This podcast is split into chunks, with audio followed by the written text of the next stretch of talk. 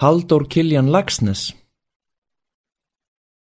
Halldór Kiljan Lagsnes 1902 til 1998 Nobelsveljuna hafi í bókmentum er þekktasta og áhrifamesta skáld Íslendinga á 20. öld.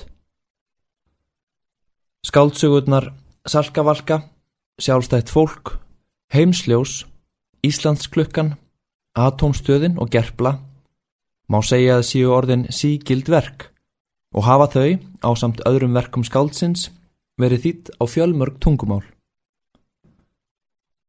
Eftirfarandi teksti er sendibref sem Haldur skrifaði í Glasgow voruð 1927 þegar hann var á leið til Vesturheims þar sem hann átti eftir að dveljast hátt á þriðja ár.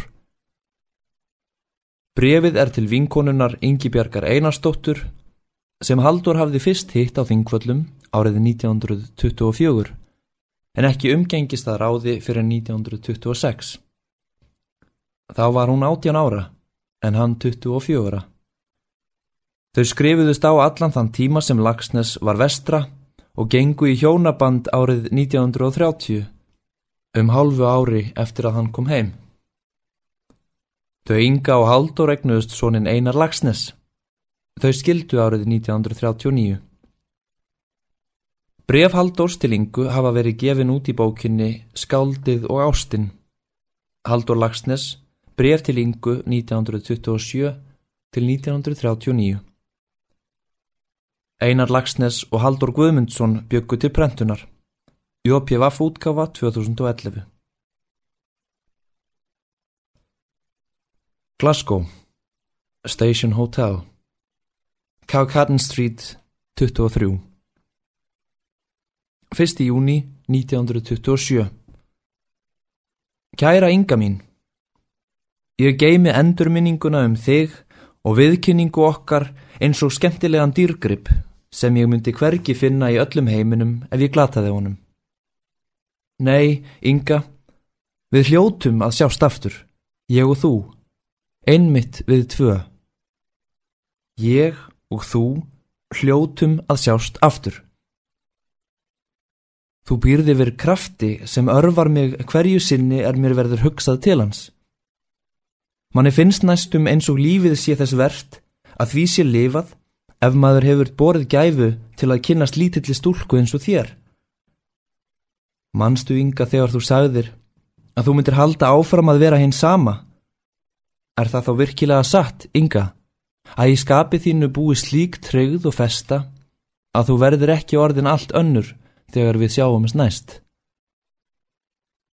Inga, einu sinni, kannski oftar, töluðum við saman um að hittast undir pálmum í sólríkri borg. Við töluðum um þetta í myrkri á kvöldi, íslensku vetrar kvöldi.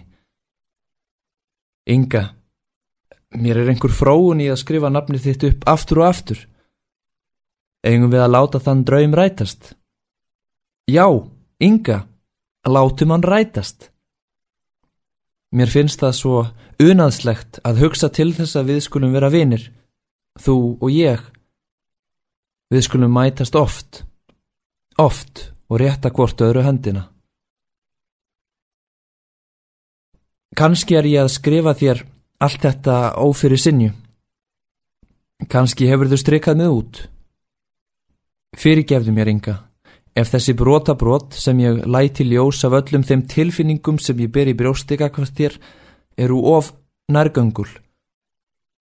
Ég laka til þess dags og kvíði hans um leið sem ég opna fyrsta brefi þitt.